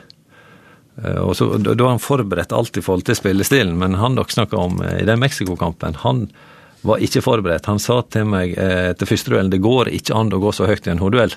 Ferdig snakka. Du kan gå så høyt, nei. Nei, og så blåste han. Og så blåste han feil. Han blåste av alle situasjonene, både i, i for og imot. For han ville ikke ha noe av det. Han ville ikke, ha, han ville ikke at vi skulle ha de duellene. Dette her er ikke fotball. Hadde han høydeskrekk, eller? Altså? Det er et eller annet. Så han fikk Jeg vil anta at det, han gjorde mer feil i den kampen der enn han har gjort i noen kamper før. og han han, han var sint på meg hele tida. Jeg var helt rolig, smilende og hadde hvite tenner på den tida der. og Ingen så hva galskap jeg gjorde i duellene. Men det mestra seg han. Og så var det et av målene som ble annullert feilaktig. Og det var vesentlig for oss. da. Ja, ja. Men det var Leo som skåra på den til slutt. Eh, Det går ikke an å gå så høyt i en hodeduell. Den holder ikke. Men hva skal du si da, da? Jo, det går an. Skal jeg bevise det for deg, eller? Skal jeg hoppe over deg? Strynemester i høyde. Ja, men det er vanskelig når dommeren eh, han hadde litt feil innstilling til den kampen og gjorde mange feil. og Det var en viktig kamp, det der. Men eh, å begynne å diskutere med en dommer, det gjorde jeg sjelden. Det gjorde jeg en gang når vi holdt på å rykke ned i en startkamp hjemme, og det skal jeg aldri mer gjøre igjen. Den treffer stolpen! Ja, det er helt riktig. ja. Et stort øyeblikk, Jostein. Det Men det, ja, det, det var jo tidenes eh, drama.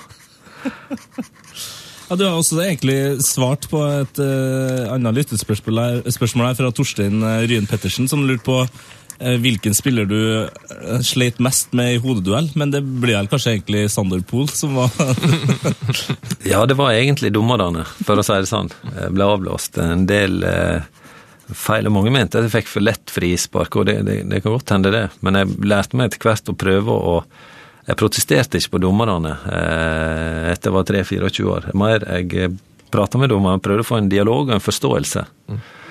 Og så var det alltid Det er god psykologi å skryte av en dommer i begynnelsen, for da kan du styre mer og mer utover i kampens hete.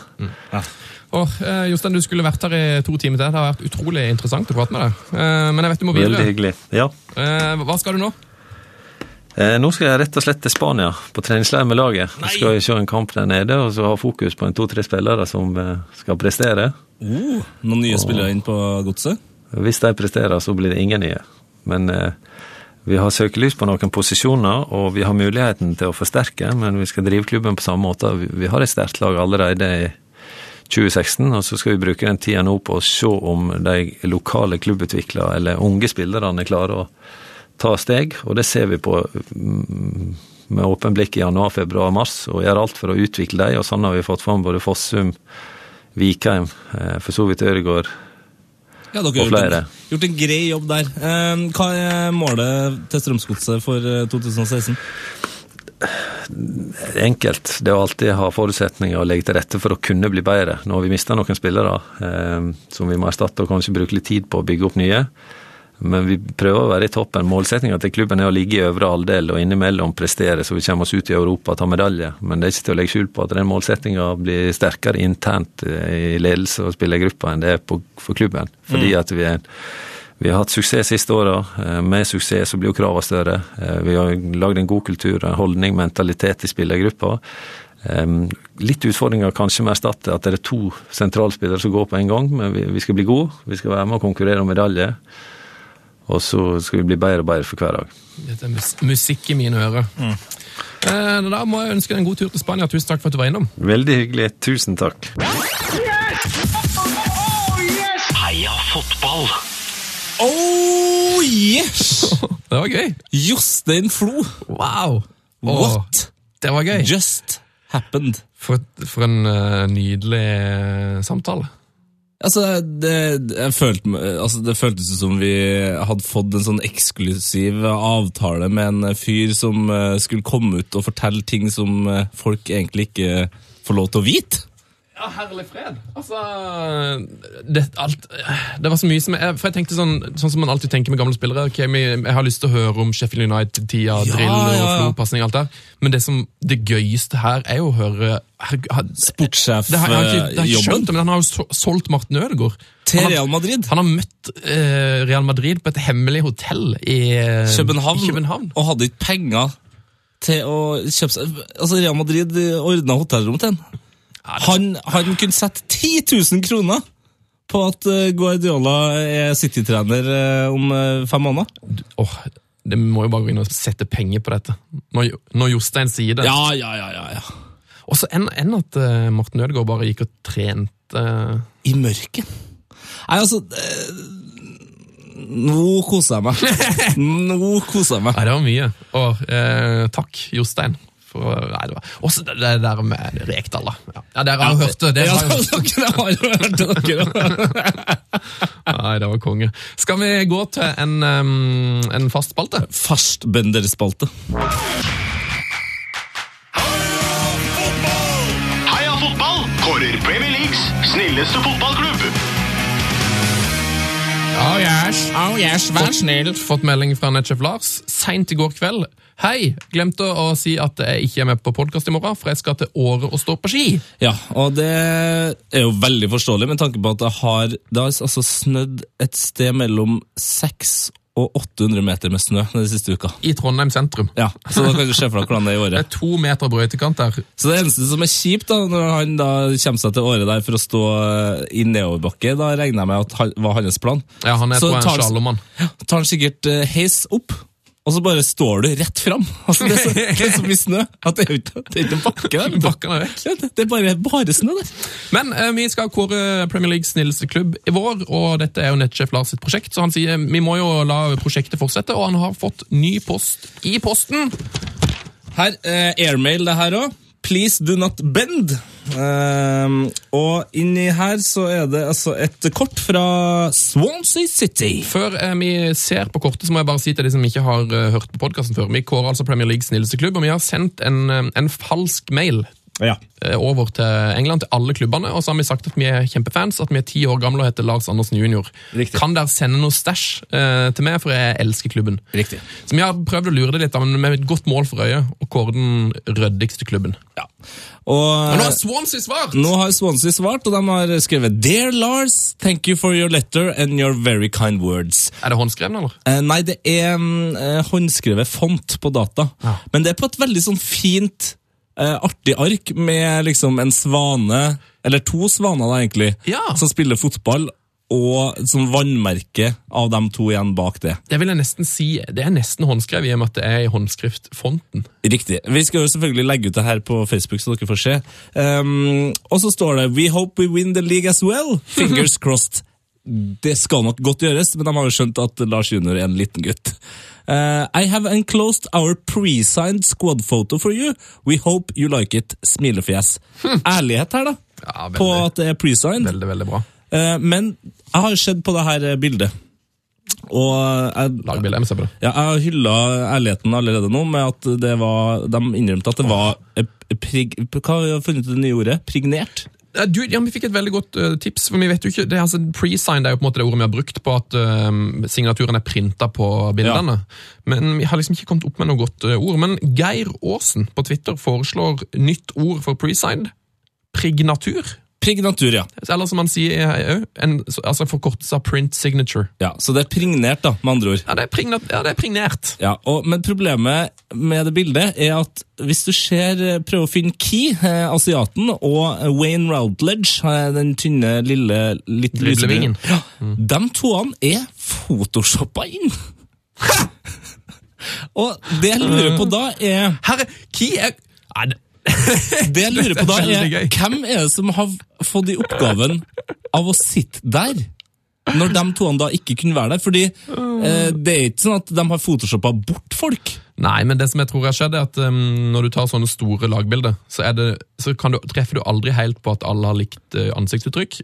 Og så har kanskje Key og Routledge kanskje blunda på bildet. Ja! Og så har de bare bytta ut sitt eget hode med sitt eget hode, da, men bare med et bedre bilde hvor lyssettinga er litt annerledes. Utrolig smell for Key når han hører som asiatisk at det var sånn du, du, Det så ut som du lukka øya på bildet. Så han bare eh, Ok. Racist bastard. Racist bastards! Men kjempebra av Swansea. Ehm, det må være opp til en sjef Lars å gi de den fulle karakter, hvor de plasserer seg på tabellen over snilleste klubb. Men det her, mer eller mindre håndskreven brev, eh, raskt svar og en OK gave. Ja, og Photoshop altså, har blitt brukt mye, mye arbeidstimer Mye ressurser. Så nei, bra fra meg. Um, hva er det vi har? Jeg syns kanskje de andre hadde bedre gave. De hadde litt flere ting. De hadde flere ting. De hadde. Skal vi gå til en annen spalte, da? Ja, det syns jeg. Eh, Eller skal vi løpe den? Nei, ok. Vi kan løpe til nyhetene, da.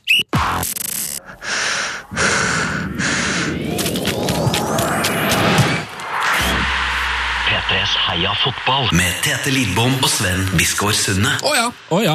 Og òg med eh, Erik HR, som har sendt oss en e-post med en eh, liten nyhet som han syns vi skal ta opp. Ja, han har eh, rett og slett laga en hyllestvideo. Ja.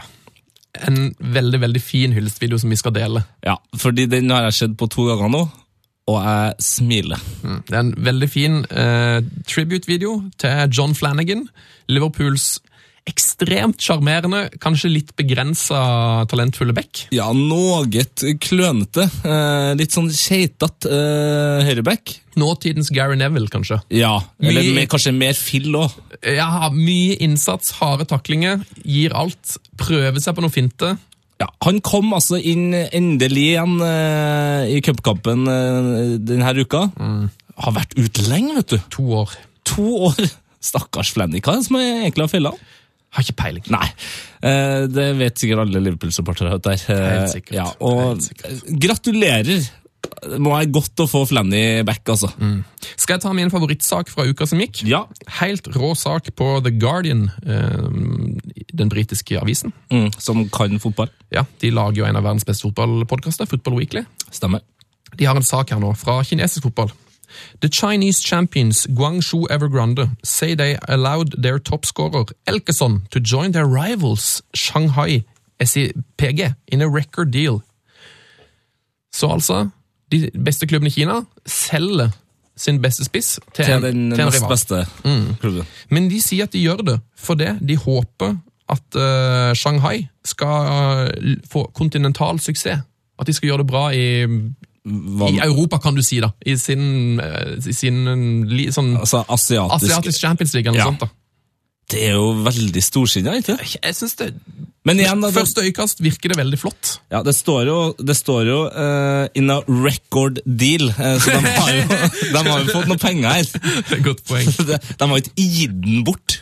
De har ikke lånt den bort, liksom. Det er et godt poeng. Ja. Ja, kanskje det er bare veldig bra pressearbeid fra presseavdelingen til Guangzhou Evergrande. Det tror jeg, altså. En av Men mine, veldig stilig. Ja, en av mine favorittnyheter denne uka her, eh, og igjen, eh, nå kan man jo gå litt hardt mot Liverpool-supporterne, nå som dere har fått Flanagan back, men eh, Stjernespiss fikk strekk like etter at Liverpool la inn bud, skriver TV 2.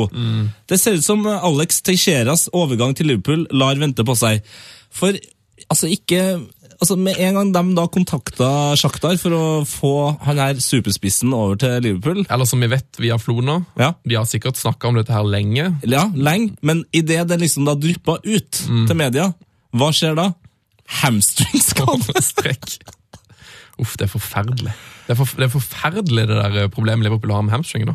altså, det er jo, det er jo den, det er den verste på en måte cursen i Premier League, med unntak av Ramsey curse, er jo Klopps sin hamstring curse. Ja, den er ille, altså. Og ham, altså, Ramsey sin curse er jo på en måte noe positivt, siden han liksom har klart å drepe uh, Osama bin Laden og Gaddafi. Uh, så det er jo litt trist at Whitney Houston og David Bowie og flere med måtte uh, bukke under. Men, men han har i hvert fall tatt liksom uh, Han har prøvd å redde verden. Mens det hamstring-greiene her er liksom bare Det er bare dritt. Det er bare dritt. Det er bare, Det er bare dritt. Altså, hamstring. Hater hamstring. Det er så jævlig dritt. Hater hamstring. Helsike. Ja, vi må videre til en ny, um, ny, ny nyhet. Det er så provoserende med hamstringskade, for det er sånn Det er ikke en duell eller noen ting, det er bare en sykt god fotballspiller som du bare sånn Yes, nå skal jeg se han fyren her spille. Og så bare Nei. Nei. Fikk hamstring. Må ut. Du vet, Det eneste gode som har kommet ut av den her hamstring eh, det hamstring-helvete som vi nå som Premier League-supportere er en del av, det er når eh, Simen Stamse Møller og Erik Thorstvedt viste oss på live TV hvordan man skal forebygge det. Altså, det det er sumokontoen verdt i seg sjøl, de fem minuttene der. Helt nydelig. Godt levert. Apropos TV2 Sumo, eh, fikk en Snapchat fra en av, eller en Snap heter det vel, fra en av våre lyttere, Du fikk en som nå kunne informere om at den fantastiske Jon Carew-dokumentaren Yes! er tilgjengelig på Sumo. Så det er kikketips til dere som skal kose dere med en liten eh, fotballoverdose i helga. Ja, når, når du venter på, på Liverpool- Liverpool-kampen som begynner kvart på to i morgen. Ja, de, de tunge timene fram til klokka Ja, kvart på to, ja. ja. Ja, Det har blitt en av mine vers, altså det, det, det verste tidspunktet hele uka er når jeg våkner sånn, som oftest i halv ti-draget på lørdag og tenker ja, at jeg lever sånn som jeg levde før. at jeg da, da sto jeg opp liksom to. ja. Men, og bare sånn skyndte meg og skulle begynne å se kampen, men nå er det sånn Det er fire timer til kamp! Hva faen skal jeg, hva skal jeg gjøre? Forebygge hamstring. Ja, det er det jeg skal, skal du gjøre. Vi må ikke ha mer hamstringskader nå. Jeg skulle bare gjøre det i fem minutter. Eh, Barcelona-spiller Javier Mascherano. Det Ja. slo med litt fra, som lyn fra klar himmel, men eh, dere som følger spansk fotball, visste vel om dette. Men Barcelona-spiller Javier Mascherano er dømt til ett års fengsel for skattesnusk. Hva er det med, med spillere i Spania? Det har vært så mye surr, både i Real Madrid og Ikke ja, det, ja, det, Barcelona, Neymar Messi var jo snakk om dette. Messi og Marcelo Det er bare, bare masse drit. jeg ser for meg at det er noen bakmenn her som har noe av skylda. Men uh, Mascheranos advokat, David Einieto, har bedt om at soninga erstattes av en bot. Eh, noe som ifølge spansk presse ikke er usannsynlig. Nei, og den bota er på den nette sum av 14,5 millioner kroner. Eh, nei, altså, det, han må betale tilbake nei, det er skatten, det! Han må betale tilbake 14,5 millioner kroner, som han ikke har betalt inn i skatt. Og så vil det da antageligvis komme en bot på toppen, da, som sikkert regnes ut eh, tilsvarende ett års fengsel. Ja, så og den er vel basert på noe lønn, så det er, tipper vi snakker 14-15 millioner til her. For Ja, i hvert fall. Han har vel ikke lite penger, denne Mascherano. Uff, nei, det er fælt. Noe du gleder deg til i fotballweekenden? Du, Bortsett fra å spille fantasy football? Uh, fantasy må vi snakke kjapt om etterpå her, føler jeg. Men uh, jo, jeg gleder meg veldig til Juventus-Roma uh, søndag kveld. Fordi n- Oh. nå har det jo skjedd Det har skjedd ting i serien. Uh, altså, Roma starta veldig godt. Og så har de, nå har de bare vunnet to kamper på ti. Ja. Mens Så Juventus, Juventus- har vunnet ti av ti kamper! Altså nå er det gamle, eh, Den gamle dame er tilbake, sånn som vi kjenner henne. Bare havrer seg gjennom. Ja, det er sånn, Ju Juventus har blitt så, de det så Men det verste var at vi sa det i begynnelsen av sesongen òg. Ja. Jeg tror faktisk de kommer til å vinne De kommer til å vinne i år òg. Helt utrolig, altså. Ja, så det, det er en toppkamp, og så er det jo eh, Arsenal-Chelsea. Mm. Det er vel også klokka fem på søndag. Eh, har en litt tung følelse om at det ikke blir en målrik kamp, men spennende blir den jo. Altså, jeg var jo i, eh, jeg var jo i London når eh, altså Chelsea-Arsenal spilte, altså den motsatte kampen. Eh, satt på pub der, eh, og det skjedde jo en del i den kampen. Altså, det var noe Costa Gabriel-greier. Eh, Jeg vet ikke om du husker det? Ja, ja, ja, ja, ja, Og Costa har jo etter en liten periode virka ganske hyggelig å bli. Gått tilbake til sure Costa. Spørs om Kosta får spille, men han gjør jo sikkert det. Han er, han er vel sånn ryktes småskadd. Ja. Og Øzil er tilbake, og det jeg som eh, skofan er mest opptatt av nå, det er at Øzil er tilbake med de nye eh, Adidas Lisseløse. Ace 16 Plus. Lisseløse sko. Primeknit er det nye. Det har jeg ingen tro på. Jeg har så tro på det her! Det er så deilig at vi er uenige. Spill i en sokk med knotter. Ja, Nydelig, det altså. ser helt deilig ut, men kommer ikke skoen til å dette av? Altså, Må han ikke sitte stramt på beina? Nei, men eh, De har to sånn hemper som du, du, drar den skikkelig på. Litt sånn som eh, sånn eh, På en måte ja, Badeføtter, skulle jeg til å si. Svømmeføtter heter det kanskje. Ja. Og de sitter jo som faen, de svømmeføttene. Sitter jo som faen, de, Sven. Det er det beste argumentet jeg har hørt for lisseløse sko. Ja. Du er et geni, Tete. Takk. Skal vi Hva snakke gleder du deg til? Eh, Nei, vi, går, vi skal vi snakke Hva Nei, vi, vi rekker ikke fans. Jeg tror vi rett og slett bare må Hva gleder du deg til? Du, Jeg gleder meg faktisk for første gang på veldig lenge til å se en Manchester United-kamp. Nei, Jo. du kan ikke si det. Jo. Nei, det er Altså, Jeg sa det! det er det verste jeg har gjort i hele år. Jeg har sett, jeg har sett fire United-kamper. Altså, Det har ødelagt 2016. Starten på 2016.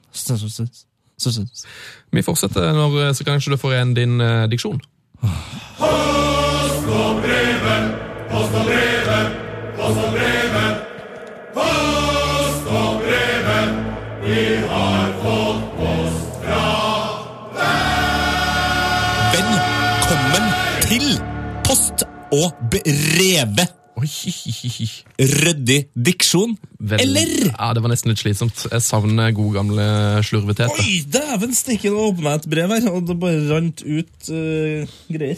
Vi har fått en eh, brev fra Simen Nybakk. Ja. Skandale, skriver han.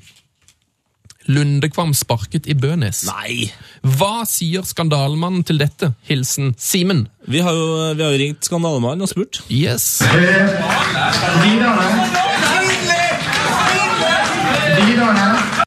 Det er helt åpenbart at han uh, mener at det er skandale. Jeg har jo snakka med Eden Hazard og hører hva han mener om dette.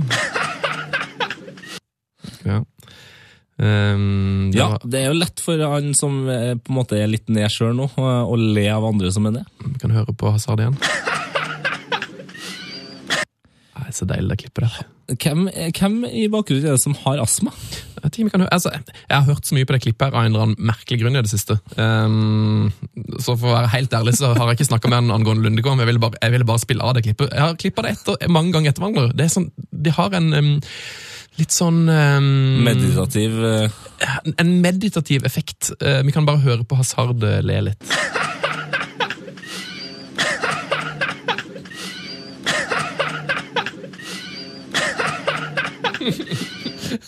Du blir, du blir skikkelig glad av det.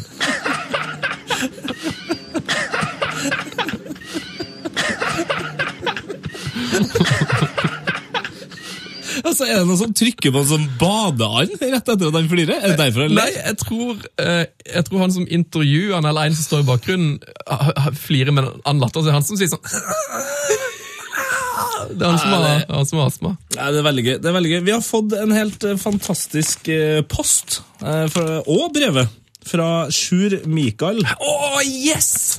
Dette har jeg sett med mine egne øyne. Om jeg har fått det i posten, ikke kun på e-post. Nei, det er, det er post, og han Altså, han har skrevet, brev. har skrevet et langt og fint hånd, håndskrevet brev, der han eh, blant annet eh, har skrevet at han har kjøpt to skjerf uh, i byen Lindos på Rådas i høst. Og det han mener med dem her, eller det han vil da, at vi skal gjøre med de skjerfene her, det er at vi skal bruke dem som premie. Nei! Vi har også fått noen noe. Panini-kort. Tusen hjertelig takk. Tusen hjertelig takk. Jeg har sendt en, en T-skjorte i posten til Sjur som takk for, eh, som takk for gaven. Ja, og det er, det er to rødde skjerf, vet du. Det er Paok-skjerf! Det er Paok. Den, eh, Et svart og hvitt Paok-skjerf. ja, den eh, Veldig stilig. greske klubben med de svarte og hvite stripene, hvis ikke jeg tar helt feil. Og ikke minst Er det AEK Aten, eller? AEK Aten. Er det det? Ja, det er det. Gult og svart med en stilig ørn på. Ja, Det her er jo rett for dem som er glad i gult og svart og fugler. Ja, jeg tror vi kommer til å dele ut det, der eh, AIK-skjerfet allerede denne uka her. I, um, altså, I- eller, nei, men? I neste ukes quiz. Som folk kan uh, Ja, okay. spisse ørene litt ekstra. Ja. Kongebrev! Jeg skal ta et siste brevet, og det er fra Jonny Sveen. Sveen. Han bor altså i Søgne, men jobber i Mandal. Og det setter jeg pris på. Det digger du. Uh, først, hjertelig takk for herlig podkast. Sitter nå og hører på deres siste podkast, og der undrer dere på hvor folk hører deres herlige podkast. Ja. I dag hører jeg på jobb, men veldig ofte høres den på i badekaret på fredager. Nei, men i helvete, for et uh, luksusdyr. I badekaret på fredager med helgens aller første øl oppjekket. Rett og slett en stor høydare for en tobarnsfar som endelig har lagt kidsa. Så deilig. Så når jeg da går helt sånn tett inntil her, så, så ligger du da helt naken I badekaret. i badekaret. og drikker pils. Er det noen som har en bedre lytterhistorie enn dette? Vil vi veldig gjerne vite det. Gjerne en mer avkledd en, hvis det er mulig. um, vår e-post er som vanlig heiafotball, krøllalfa, nrk.no. Vi er veldig, veldig glad for eh, alle Prost pro post og brev vi får. Prost. Jon Prost og brevet. Ok! P3s Heia fotball. Heia fotball. Med Tete Lidbom og Sven Biskår Sunde. Quish, quish, Nei! quish, quish, quish, Nei, nei, quish, nei, quish, nei! quish, quish, Fader, quish, altså. quish, quish, quish, quish, quish, quish. Vet du hva jeg gjorde nå? Nei. Altså, Nå gjorde jeg det verste du kan gjøre på, på en datamaskin. Jeg, jeg kom borti, og så trykka jeg på Internett Explorer. Nei, er du på Explorer? Nei, Uff, kondolerer. Faen, altså! nei, så hele maskina var stoppet. Jeg nei, nei, nei, Jeg skal inn i uh, outlooken. Ja, du skulle inn og alt-tabbe gjennom ukens vinner i quizen. Fucking hell! Internett Explorer, altså. Faen, Steve Jobs Nei, det er ikke han heller. Hvem er, hva heter han? eh, Microsoft uh, Faen! Bill Gates. Bill Gates! Det må gå an å rydde opp her! Kan vi kalle dette for Explorer Gates? Nei, jeg foreslår til alle dere, til de ivrigste av dere som hører på Heia Fotball, tenn et lys for Tete, ta bilde av det, legg det ut på Instagram, slå på hashtaggen Heia Fotball. Tenn et lys for Tete. Ja, jeg må bare spille klipp på faderskap. Jeg må restarte dritten her. Vi skal kåre ukens uh, forrige vinner. Um, da var spørsmålet hvem er dette for en fotballpersonlighet? Er en um, spesiell dag. Tung dag. Men uh, tunge dager må du gå Mm, det med den triste mannen? Hadde du svart vel ikke engang du, Tete? Nei, eh, og det, det la jeg merke til nå, at jeg vet jo ikke svaret på, på quizen. Så det er veldig spennende å se om jeg eh, tar ut en person som har svart riktig. Har svart riktig. Eh, men jeg tror eh, Å nei, å nei. Det her kan bli Altså, Alle svarene er jo forskjellige. Ja, det er, veldig mange, det er veldig gøy. Denne uka så er det veldig mange som har svart forskjellig. Da blir det jo ekstra artig når jeg alt-tabber meg gjennom. Uff, nei, men det, du må nesten vite hvem det er Nei, men jeg, jeg tror jeg vet hvem det er. Ok. Vi får se, da. Da trekker vi en vinner. Ja, For jeg sier bare jeg sier svaret først, da, så Ja. at jeg ikke driter ut vinneren. Ja, Eller taperen. Ja, Veldig lurt. Riktig svar er Jostein Grindhaug. Nei! Okay. Feil. ok, greit. Okay, greit. Alle dere som har svart. Jostein Grindhaug, dere har svart feil. Ok, Riktig svar er Knut Tørum. Nei, Da har jeg, da har jeg faktisk det siste er her. ikke, det er ikke Østenstad heller. Det er mange som har svart da, det er ikke det. Eh, det er ja, det er, det er Her er jeg helt sikker på. Bjarne Berntsen. Yes! Riktig svar er Bjarne Berntsen, og Gabriel Holta har svart riktig! Fantastisk, Gabriel. Tipper det er når han fikk sparken, skråstrek sluttet i Viking. Det er helt 110 reality-prosent korrekt. Og han har fått med seg, eller fått med både adresse og T-skjortestørrelse, så den T-skjorta den skal bli sendt den dag i dag. Så bra. Eh, husk du, hvis du ha med i neste ukes quiz, legg med navn og adresse. eh, ønsket T-skjortestørrelse. Send inn ditt svar. Vår e-post er heiafotballkrøllalfa.nrk.no. Du kan vinne en Heia Fotball-T-skjorte, unik sådan, i burgunder. Du kan òg vinne et Paok-skjerf som vi har fått tilsendt fra Sjur Mikael. ja, Så denne konkurransen er, the er double conk. Yes. Uh, her er ukens quiz. Hvem er det her for en fotballpersonlighet? Jeg hadde ikke forventa annet enn en, en god fest med gode kollegaer. Ja, Ja, Hun der er god. Hvem er dette, Tete-gutten? Ja, Det der tror jeg er en ekstremt talentfull eh, fotballspiller. Du kan si det, kan pipe det ut. Um... Det er feil. smell! Det er feil. Men vet du det? Send inn ditt svar. Heia fotballkrøllalfa nrk.no.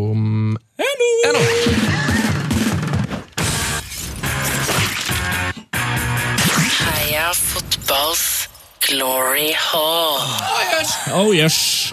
Velkommen til Heia Fotballs Glory Hall. Det er der eh, hvor vi da hyller de aller fineste, rareste og beste fotballspillerne gjennom eh, tidene. Vi sender dem opp i verdensrommet, opp til en stjerne hvor de kan spille fotball til dem ikke gidder mer. Til de går på pub med Jostein Flo og drikker pils. Jostein Flo er ikke i vår glory hall ennå. Nei, det er besteforeldrene, og foreløpig får det være bra nok. Jostein kommer nok til å ende opp ganske snart etter denne episoden, det er jeg ganske sikker på. Mm. For maken til Levering. kul eh, leveranse skal du lete lenge etter. Um, hvem er det som er i vår Glory Hall? Um, Totti. Totti er der. Nå har jeg fått det. Fått ruske, ruske maskineriet. Totti er der, Batistuta er der, Ja, ja, og er der. det er også Erik Myggen Mykland. Erik. Erik, altså Erik. Ja. det er Han eh, som jobber i Urørt, eh, som jeg jobber sammen med, eh, heter Erik, og han sier alltid Erik til. Så det er- Eirik Havelin. Ja, Høsøyen òg, faktisk, imellom der. Finske Ane. Må det jo være. Han har det. Havelin. Det er på tide å sette inn en eh, ny helt, og ukens bidrag ja, det kommer nesten som vanlig disse dager fra en lytter. For dere er så sinnssykt flinke til å sende inn eh, Glory Holes. Ja, og Kommer inn flere ukentlig. ja, Det er helt sinnssykt, og det her er en glory hole fra en uh, fyr som heter Andreas Trøen. Hei, Andreas! som, uh, som traff meg veldig fordi jeg kjenner meg så igjen eh, i både sted, tid og opplevelse. Det står her Jeg må bare begynne litt eh, før du setter i gang det hele. Det er greit. Beklager lang hold, men det er vanskelig å yte legenden rettferdighet uten at det blir et par ord. Bær over med det. Og så skriver han her bare som en slags eh, intro, da. For mange av dem som nærmer seg 30 år, så var fotball-VM i USA 94 den første gangen man fikk se et bra volum av internasjonale kamper og begynte å skjønne litt av magien som er til stede når de beste spillerne i verden møtes. Interessen var enorm, spesielt ettersom at Norge var med etter en plettfri kvalik der vi tok oss over Atlanteren på bekostning av storheter. Og det er jo helt sant, jeg husker jo det sjøl. Jeg satt jo faktisk da på et slags motellaktig opplegg eh, i Kristiansand og så de her kampene eh, midt på natta sammen med min eh, morfar. Er det sant? Da kjører vi. Som sju år gammel var det ikke stort jeg forsto. Jo, jeg hadde sett Gøran Sørlath hamre inn 2-1-målet mot Nederland. Jeg var en ivrig av, samler av klistremerker og hadde hørt eldre kompiser snakke med bevrende stemmer om hvor rått det skulle bli å følge etablerte storheter som Romario, Klinsmann og Baggio gjøre opp om trofeet for sine landslag. Men de var bare tomme navn for meg. Jeg var blank.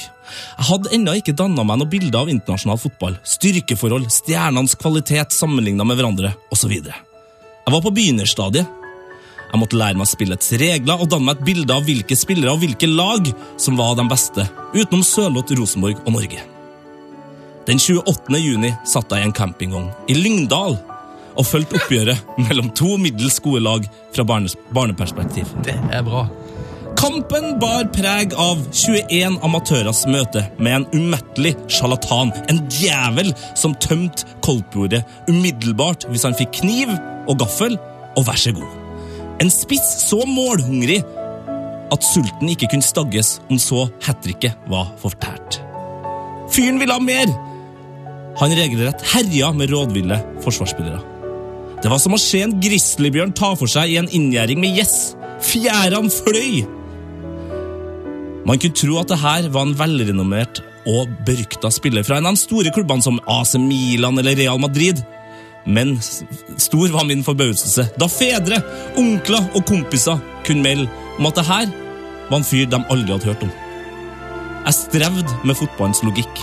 Hvordan kunne en så utrolig nådeløs spiss leve en anonym tilværelse i laget Longrones, som endte rett over nedrykksstreken i Spania?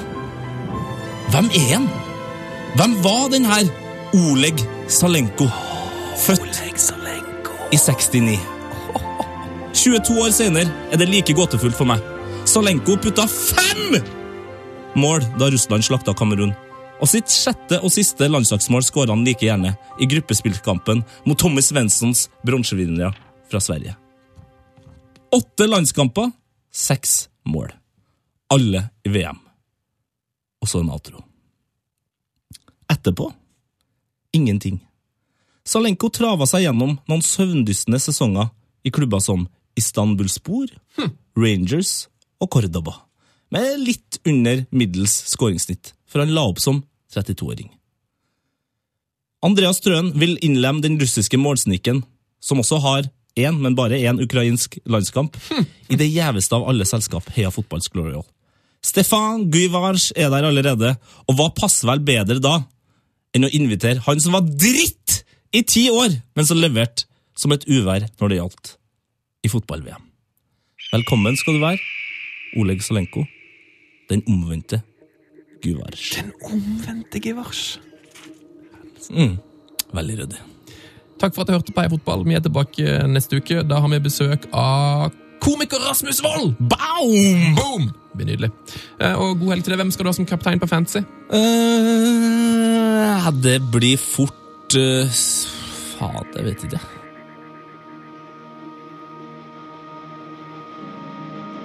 Time will show. God helg, Tete. God helg, Sven. God og helg som tusen hjertelig takk igjen. Frank de Boer speelt de bal. Heel goed naar Dennis Bergkamp. Dennis Bergkamp. Dennis Bergkamp neemt de bal aan. Dennis Bergkamp. Dennis Bergkamp. Dennis Bergkamp. Dennis Bergkamp. Dennis Bergkamp. Oh! Frank de Boer speelt de bal naar Dennis Bergkamp. Die neemt de bal feilloos aan. En ik schiet de bal erin. We spelen nog officieel 20 seconden. Dennis Bergkamp. P3s Heia fotball. Ny episode hver fredag. Last ned din nye favorittpodkast på p3.no podkast. P3.